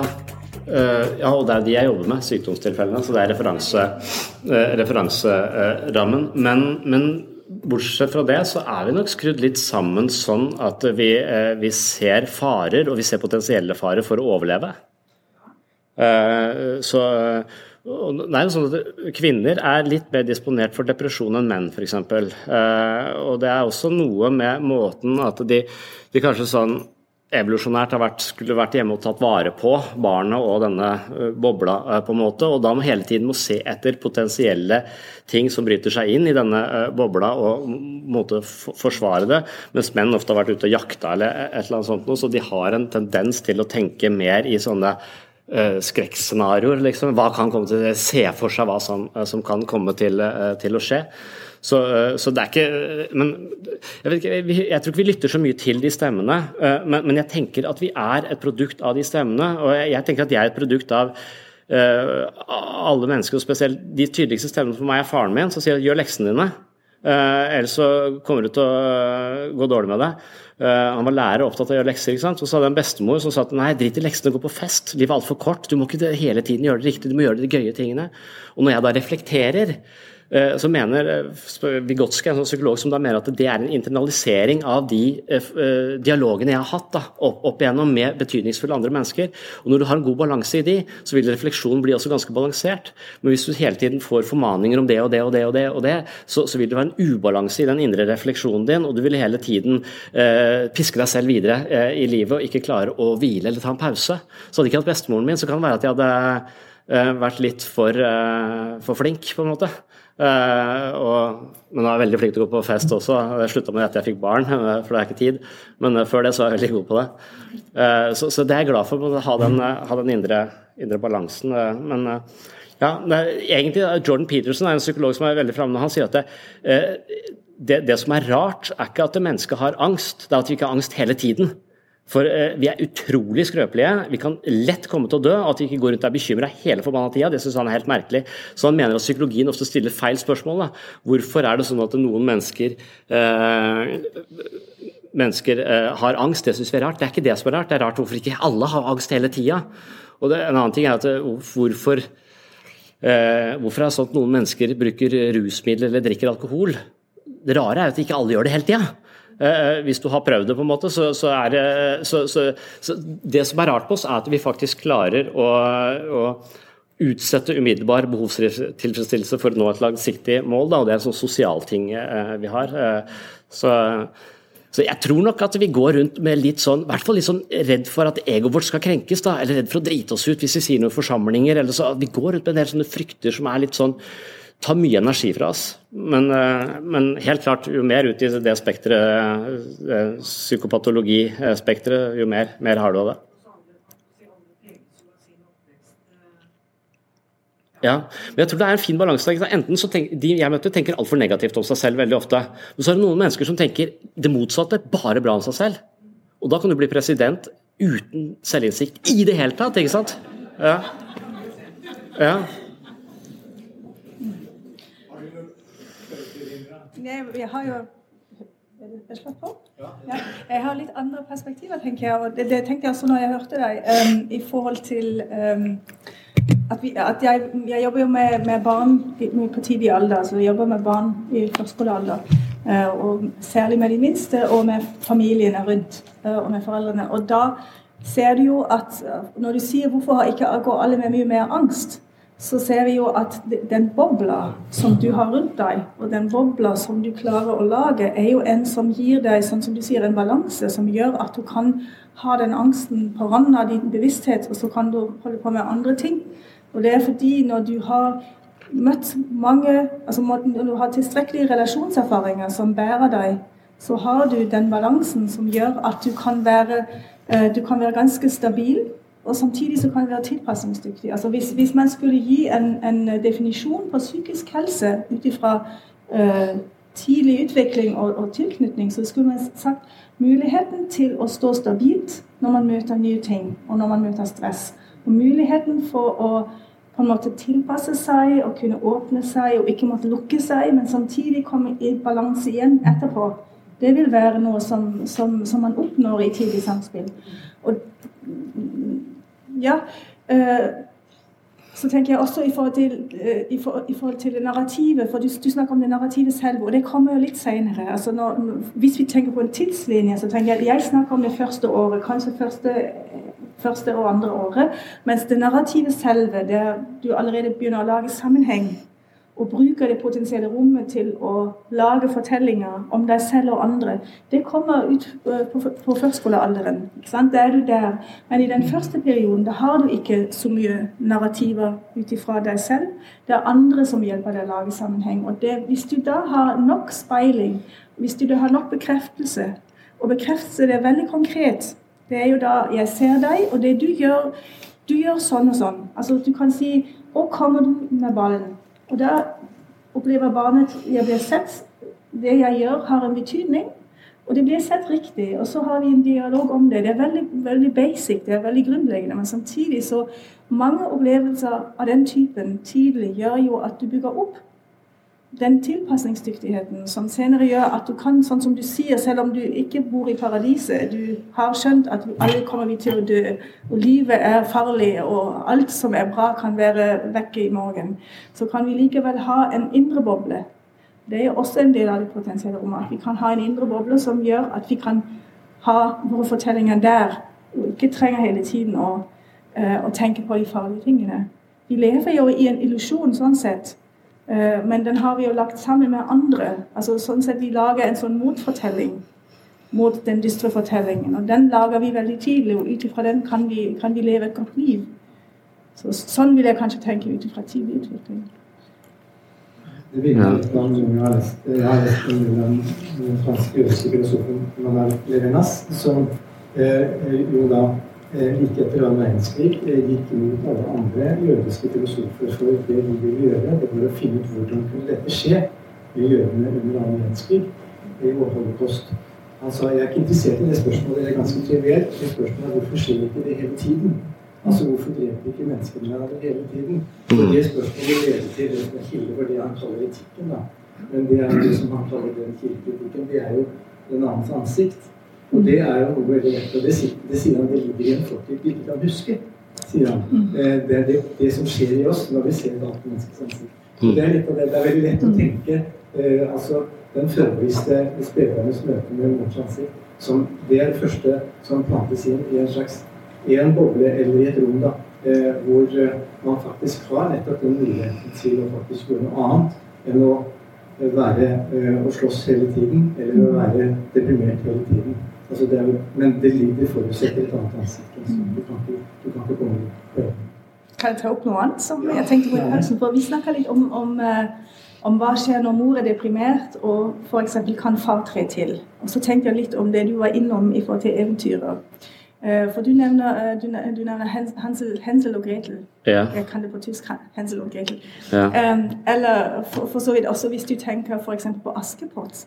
Det er jo, da har du jo en veldig du har en veldig ond mor. Ja. Og den er jo ikke en mor, det er en stemor. Jeg tror Man kan ikke, kan ikke bære tanken at en, en, virkelig mor, en ekte biologisk mor, kan være så ond, så det må være en stemor.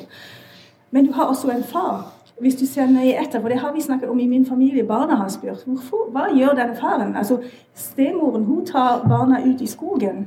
Eller hun sender faktisk faren ut i skogen. Men den dumme fyren, han gjør jo det. Hvorfor kan en pappa bringe sine barn og, og, og, og bare eh, sette, sette dem ut i skogen? Eller Askepott. Eh, der mammaen dør, så er det en stemor, og den biologiske faren er hele tiden til stede. Men, eh, men Askepott blir jo satt helt til side. Hun, hun, ta, hun kommer helt til slutt. Og faren hennes, biologiske faren, er til stede hele tiden, men det er stemoren som gjør dette. Og Det handler også litt om våre fortellinger. Det er mye fokus på mor. Jeg snakker om mor, vi snakker veldig mye om mor.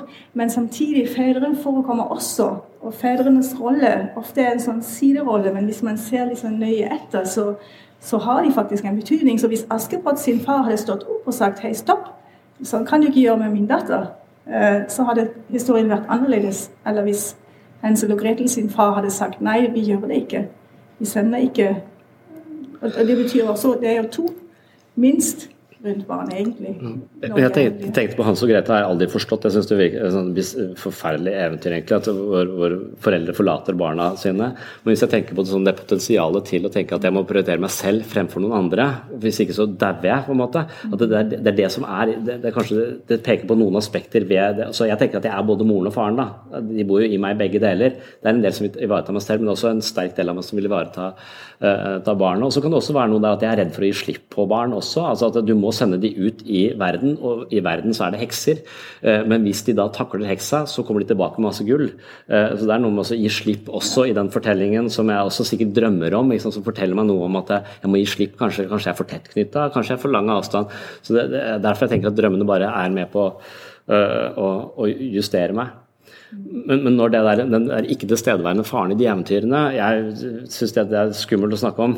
Men, men, i utgangspunktet så tenker jeg jo at hjernen min Eh, er eh, pedagogisk uegna, eh, på en måte. At det, er veldig mye av det jeg leser om hvordan jeg skal være mot barn, som ikke ligger naturlig for meg.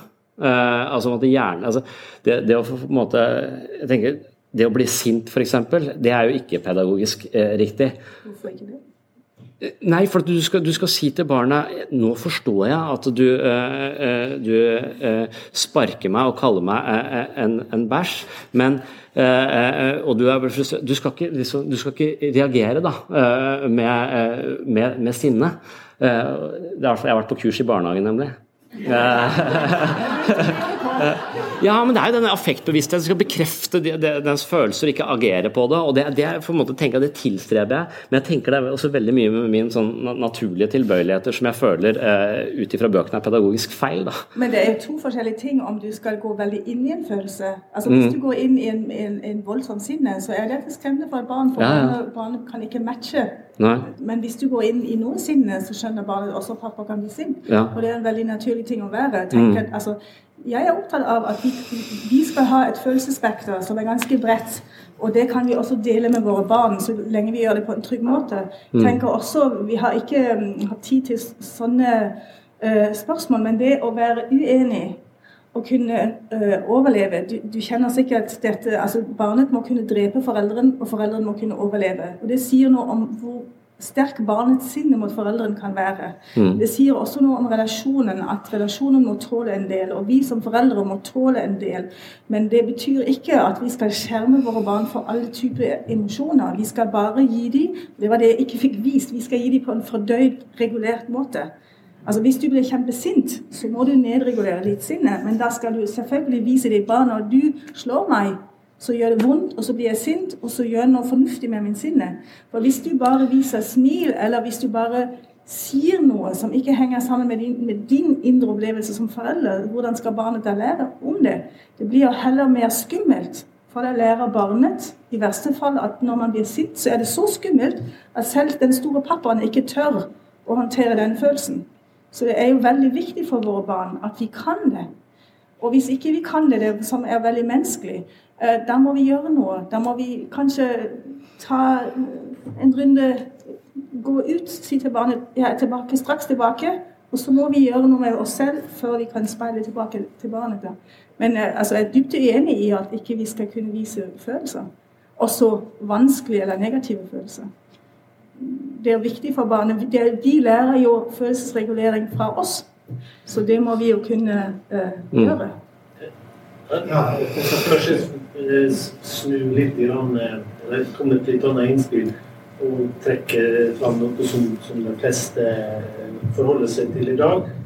Eh, i, I dag har vi jo tilstreba I praksis så har vi full barnehagedekning i, i Norge. Eh, det kunne være interessant å høre hvilke tanker dere to gjør dere i forhold til et menneskes utvikling om eh, det at barn går i barnehage fra i dag er de fleste begynner sånn rundt ettårsalder, eller kanskje litt i forkant. Hvor, hvor, bra eller dårlig er det for barnet at man på en måte tar barnet bort fra foreldre i en ganske stor andel av den, den våkne tida? Jeg sier ikke at det ene er bra eller det andre er mindre bra.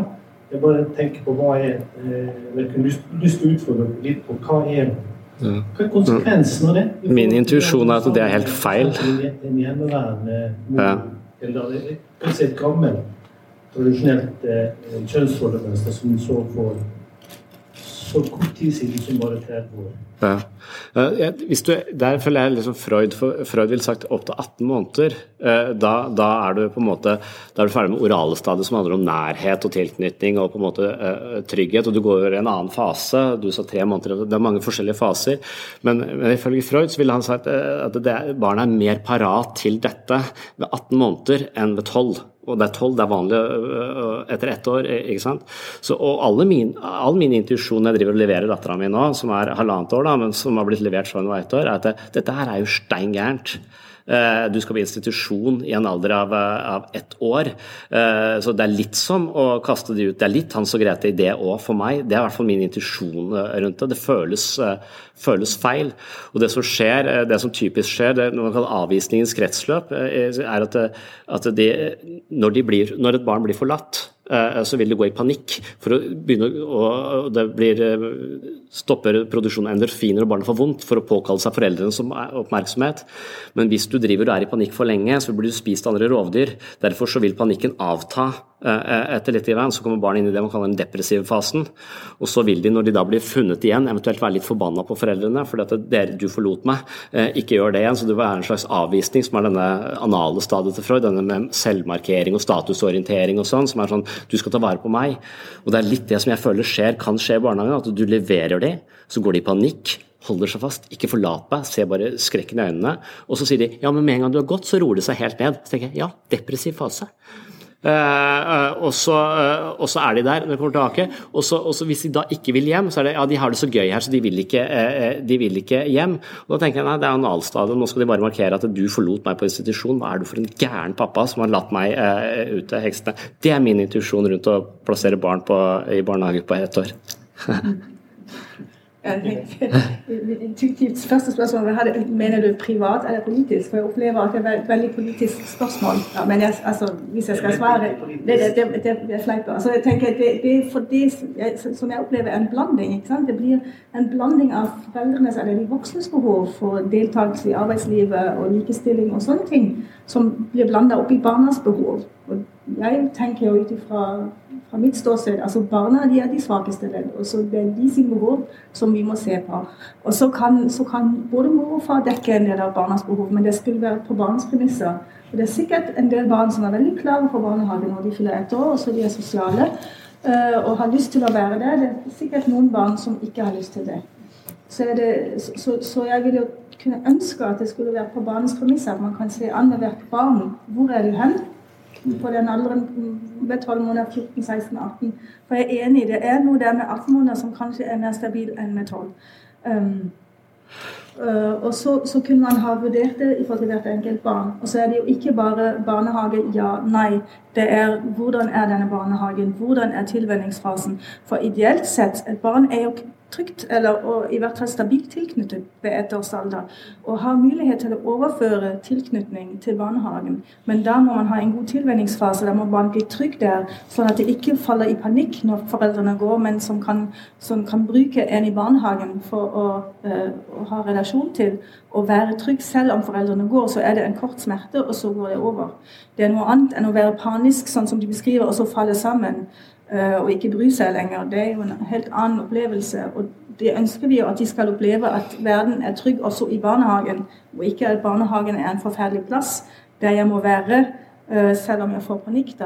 Så er det hvor, hvor lenge um, skal barnet være der? Altså hvor lang skal en barnehagedag være? Den kan være noen timer, den kan være mange timer, den kan være ni timer. Og på et tidspunkt så tenker jeg blir det veldig, veldig lang. Det, det, er virkelig, men, men samtidig så så tenker jeg det Jeg tror vi kommer ikke tilbake til, gammel, til, den gamle familiemodellen. Eh, jeg kunne ønske at man lager ordninger som gjør at foreldrene kan være mer fleksible. at de kan velge mer, særlig når barn er unge. Jeg vil tenke Det er en stor forskjell mellom et barn på 12 og 24 måneder. Eh, så akkurat i den fasen er det noen måneder som betyr ganske mye. Um, og jeg, jeg, kunne ønske at man, man, ser det an på barnets premisser. Men jeg, jeg, tenker at det er en del barn som går i barnehage, selv om de egentlig bedre kunne ha vært hjemme uh, i noen måneder til. Ja. Men jeg leser forskningen på det, uh, fordi jeg har vært gjennom denne fasen mange ganger. og Jeg føler at jeg er kjempeflink i barnehagene nå, så jeg er veldig trygg på det. Så jeg dramatiserer det litt. Og Forskningen i, på norske barn viser at de, ikke, de, de tar noe skade av det. Men det er litt et eksperiment. Vi har ikke holdt på med det så lenge. Uh, så det er nok nå de begynner å bli på en måte voksne, de første som var i barnehage fra de var ett år. Eh, så, men det, det, det, ser ikke ut som om det blir, er noe galt i Norge. Men tall fra USA viser annerledes. Der har de skade av det, for der begynner de ofte i barnehagen når det er tre måneder. Ja, og det er et ekstremt og de har også den tilvenningsfasen er ofte sånn du skal bare gå med en gang, gjøre det fortest mulig. Eh, og så har du analogien med et plaster, hvis du drar det fort av, så det, går det lettere over. Så, så, så, de har en annen, så der har det vist seg at det, at det, at det sannsynligvis har en påvirkning. Eh, ja. Det er ikke noe rart de velger en president som du velger Nei, nei, når det er så Vær så god her.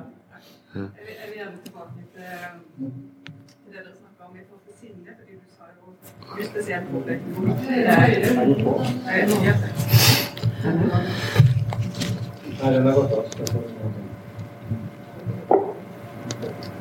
vil veldig gjerne tilbake til, eh, til sinne og hvor viktig det er å markere at noen på en måte gjør noe urett med meg. Og, og du påpeker at det er viktig for barn. Og det tar jo du også fram hvis noen forlater deg, så er det viktig å, å, bli sint. Og på en måte si at dette er ikke greit. Men, men da tenker jeg i forhold til fortellingen, da. Hva er det som skjer når du ikke kan være sint på barnet ditt? Hva forteller at det er greit at voksne er sinte, men det er greit at barn Og da tenker jeg det ligger noe i fortellingen i forhold til at vi har blitt fortalt at det å bli sint det er irrasjonelt. Uh, I stedet for å si at noe sinne er faktisk viktig, og det er også viktig å kunne være sint som voksen. Men at, at ikke det tar helt av sted, selvfølgelig. Men uh, likevel så sier det noe ved å ikke bli sint som voksen til barna. fordi uh, hva lærer de da? Altså, er det greit å bli sint hvis ikke Mm.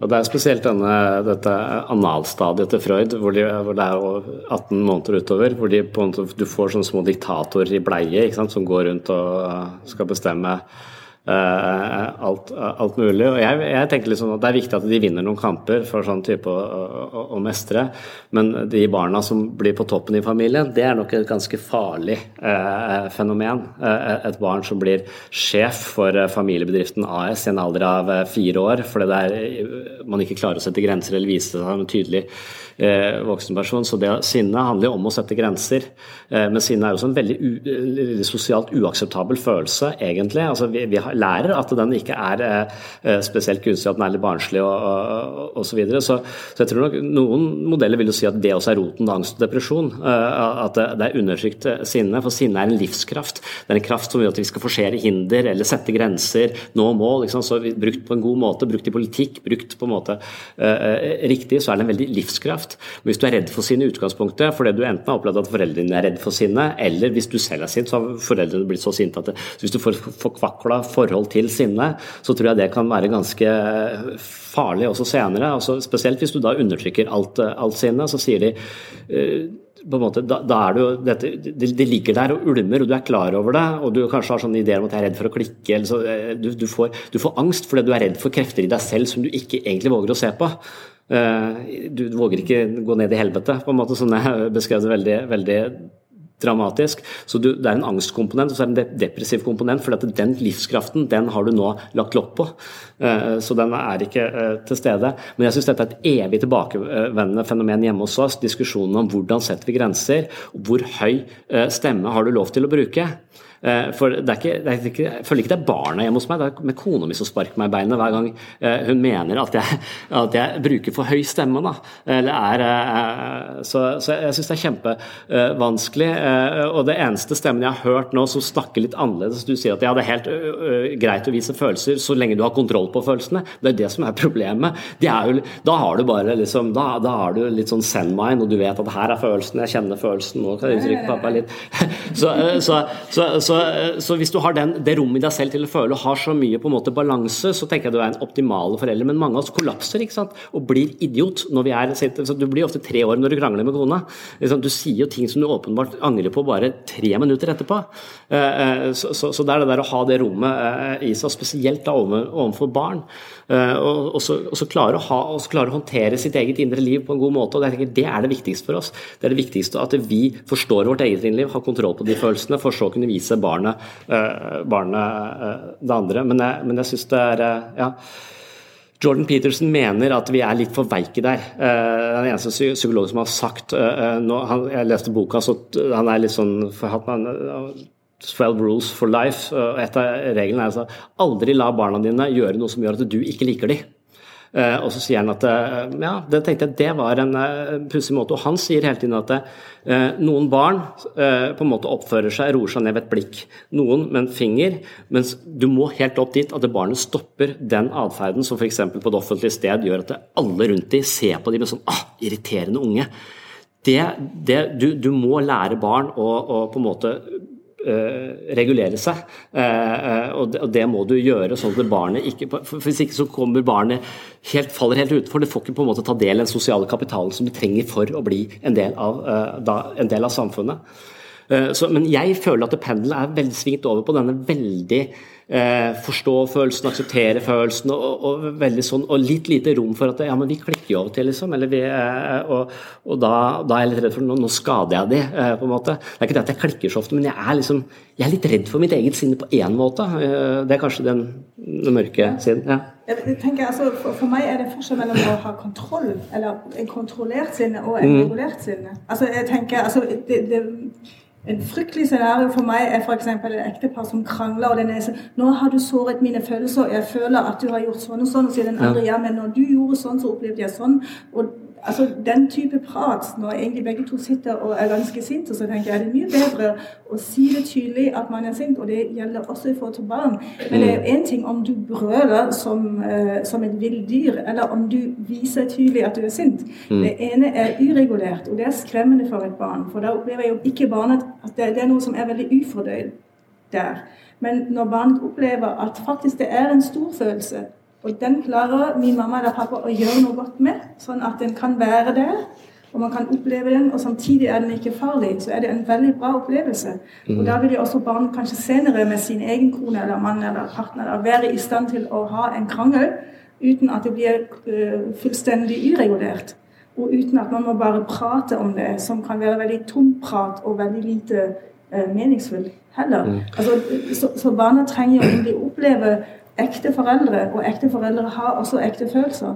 Men de trenger ikke å være farlige. Jeg tenker sånn som du, Hvis du har et barn som alltid bare møter sånn tomme ord Så jeg kan reagere veldig på det, kanskje litt urettferdig, for det er veldig norsk å si 'hvor flink du er'. ikke sant? Det sier vi til alt. Um, jeg tenker Sånne ord som ikke helt har mening, Mm. Uh, og når du har et barn det, som du roser for ting som ikke du nødvendigvis skulle rose for, og som du det gjør man jo med tegningene. viser faktisk at når du sparker meg, så gjør det vondt. Og når du gjør dette, så ønsker jeg ikke. Og når du gjør det enda en gang, så blir jeg faktisk irritert. Det er helt ok.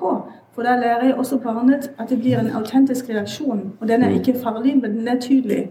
Mm. Hvis ikke så blir barnet veldig utrygt på det, for du kan jo ikke stole på det. Du vet aldri hvor grensen går, du vet aldri hvor du har foreldrene dine. Ja, det er Jeg enig i alt det, men, men hva med, jeg leste en bok av Louan Brisson som heter 'Female Brain'. Og der, Hun er en sånn hjerneforsker med at mannehjernen har sånn ti ganger mer testosteron og har, det er ti ganger større sjanse for at den reagerer med sinne enn kvinnehjernen. Så det er biologiske forskjeller.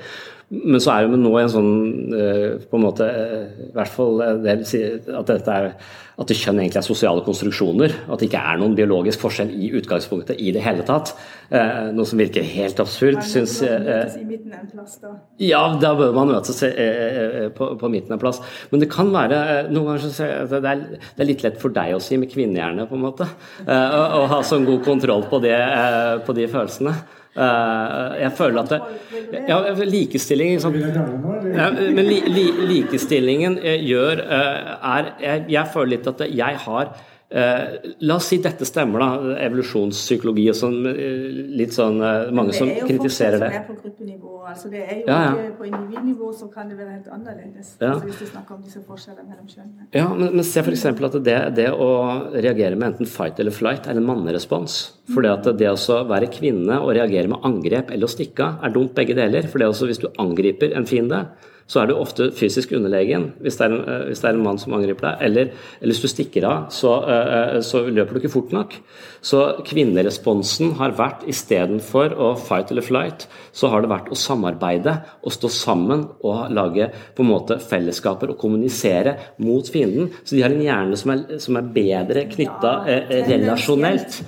Mens vi er så steinalderhjerne som så slår ting ned med en klubbe, eh, på en måte, og som ikke er pedagogisk veldig bra å ha sånn i vår tid. For det er ikke så veldig bra å slå folk ned med klubber lenger. Det er mye bedre å kommunisere eh, med dem. Jeg føler kanskje at, jeg, at, at, det er litt vanskeligere for menn å være elev i vår tid enn det er for kvinner. Det finnes jo mange, mange gode fedre som, som faktisk klarer å, å, være både tydelig og likevel ikke farlig. Og det, ja, ja. det, er, det er vitsen. Altså, det blir mm. altfor idyllisk for meg å tenke at kvinner på en måte de kommuniserer og samhandler hele tiden, mens mennene går og trekker sine klubber. ikke sant? Altså, jeg tenker det altså, den spensten, eller den, den, For du sier noe veldig altså Aggressivitet eller sinne det er jo også en veldig positiv følelse. Det er den første følelsen, mm. også når du snakker om den Nå har jeg det ikke som med Freud sine utviklingsstadier, men, men, hvis du tenker på barn som er på den alderen med selvhevdelse, som blir kalt for trassalderen, da, som handler om 'jeg', 'jeg vil', og så når de oppdager at andre vil noe annet, så er det veldig vanskelig å stå i det. Mm.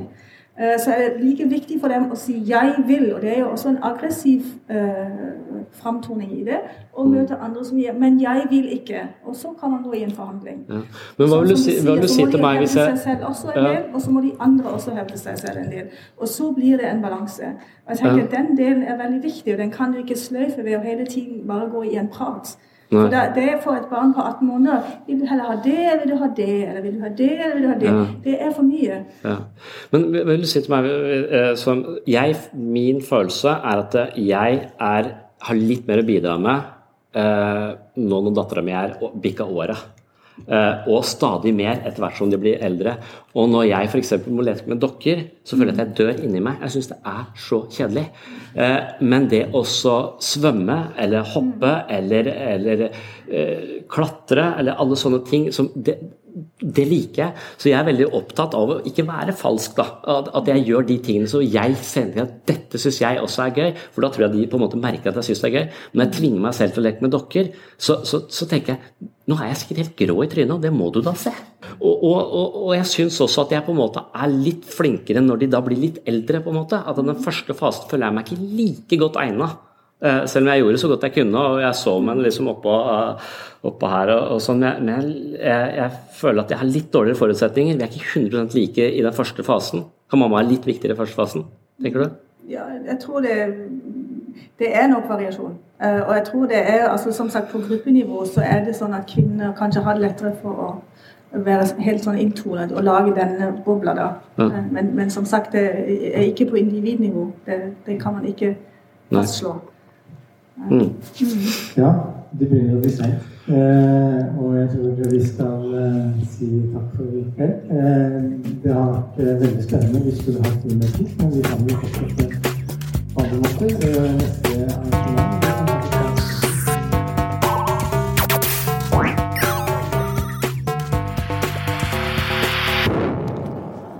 Takk for at du hører på Sinnsyn.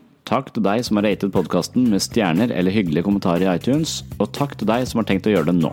Bøkene mine, som er skrevet i samme takt og tone som denne podkasten, finner du til best pris med gratis frakt og rask levering på webpsykologen.no. På gjenhør i neste episode.